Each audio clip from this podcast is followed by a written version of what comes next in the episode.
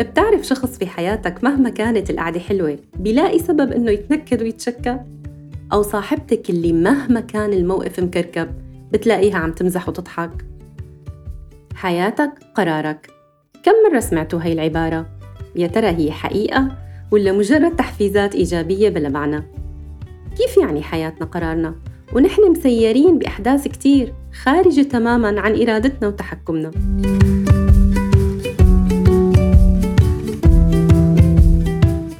أهلا وسهلا فيكم ببودكاست حياة الشغف. أنا معكم دانيا أبو صالح مدربة واستشارية في تطوير الأداء وإدارة التغيير.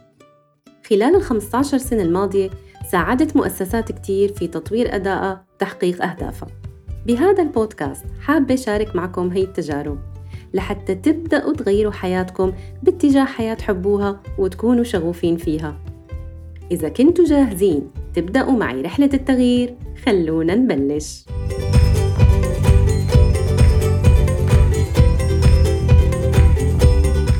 دراسات علم السلوك ونيوروساينس بتقول إنك بتاخد أكثر من 35 ألف قرار باليوم الواحد.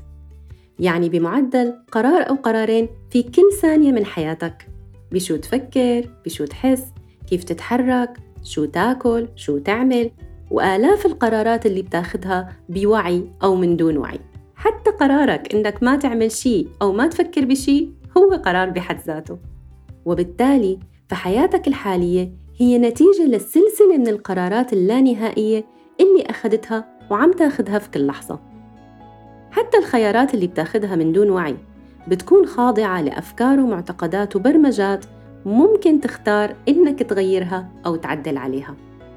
قبل ما أتعمق أكثر بهي الفكرة حابة نوه على شيء كتير مهم وهو إذا كان عندك أو عندك جلد عالي لذاتك وبتلوم نفسك كتير وبتحمل حالك مسؤولية أخطائك وأخطاء غيرك؟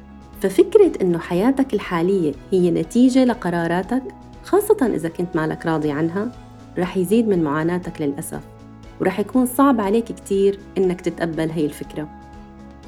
الشعور بالخزي وجلد الذات هي من أكثر المشاعر إيلاماً ولازم تحاول تتعامل معها وتتجاوزها بأي طريقة حتى لو استعنت بالمختصين.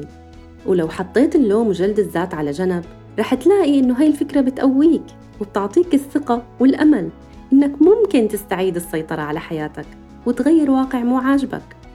وبتحقق لك التوازن بإنك صحيح مسير ولكنك أيضا مخير. ولهيك أنت محاسب على عملك وخياراتك وهذا من عدل رب العالمين معك.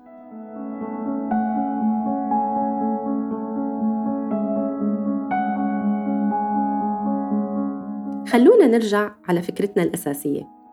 الدراسات بتقول إنه نحن بنقدر نتحكم ب 90% من حياتنا وحتى العشرة بالمية التي لا نستطيع تغييرها أو التحكم بها بنقدر نقرر ردود فعلنا تجاهها وطريقة تعاملنا معها. وهذا هو اختبارنا الحقيقي. حتى مشاعرنا اللي منظن بكتير من الأحيان إنها خارجة عن إرادتنا بنقدر في الحقيقة نتعلم كيف نديرها ونتعامل معها. كل شخص فينا عنده شعور أساسي مسيطر عليه وهذا الشعور يحدد جودة حياته. بتعرف شخص في حياتك مهما كانت القعدة حلوة بيلاقي سبب إنه يتنكد ويتشكى؟ أو صاحبتك اللي مهما كان الموقف مكركب بتلاقيها عم تمزح وتضحك؟ هذا بيفسر ليش في ناس بيكون عندها فعلا كل مقومات الحياة السعيدة. مال وأولاد وشهرة وجمال وشباب بس بتكون مكتئبة. بينما أشخاص ممكن تكون حياتهم بسيطة أو حتى عندهم إعاقات جسدية بس بتلاقيهم مبتسمين وراضيين جودة حياتك معتمدة بشكل أساسي على ماذا تشعر في كل لحظة خلال يومك بغض النظر عما حولك.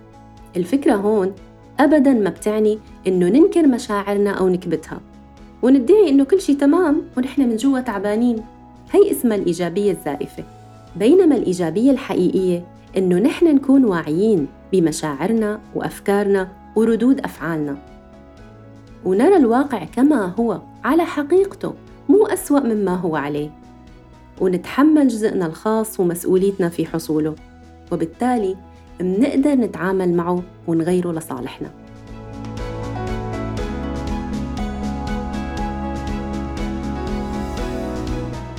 يعني صار معك موقف مزعج وغضبت منه. غضبك هو نتيجة لفكرة في راسك. مثلاً هذا الشخص قلل من احترامي. غضبك سيدفع ردة فعلك اتجاه هذا الحدث. وعندك خيارات كتير. ممكن تصرخ ممكن تشتم ممكن ترفض الحديث أو تنغلق على نفسك أو تتفشش بشخص ما خصه. ممكن تغضب شوي أو تبقى كل اليوم غاضب.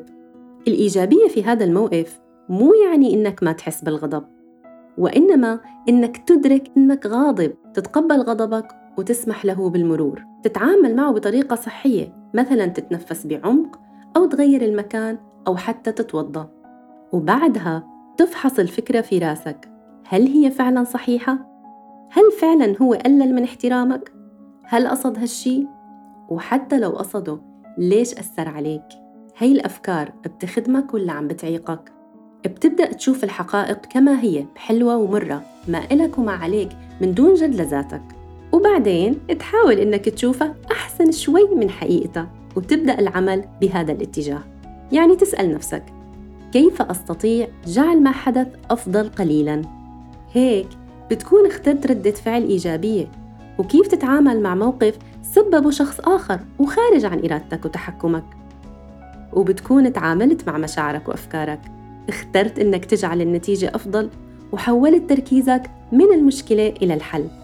تخيل لو طبقت هي الطريقة على كل شي بمر عليك بيومك. شو رح يصير؟ رح تصير تاخد قرارات واعية مختلفة وبالتالي رح تحصل حتماً على نتائج مختلفة.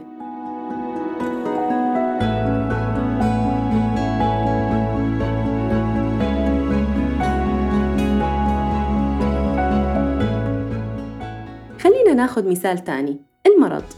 يعني صحيح إنه هو ابتلاء ولكنه أيضاً نتيجة لسلسلة من قراراتك اللي اتخذتها في السابق بخصوص صحتك. أكلك، شربك، نومك، عاداتك الصحية السيئة وبتقدر تختار إنك تستسلم للمرض أو تتحمل مسؤولية صحتك وتعمل تغييرات في نظام حياتك بتساعدك على التشافي. المرض والشفاء بيد الله صحيح بس رب العالمين جعل الأسباب والسنن الكونية لتختار أنت طريقك. أنت عليك تفكر وتسعى وتاخذ بالأسباب وتتوكل على الله. ولو تحملت مسؤولية حياتك وأخذت قراراتك اليومية بشكل واعي وسيطرت على أفكارك وتقبلت مشاعرك وقتها بتحصل على حياة سعيدة غير عادية حياة الشغف.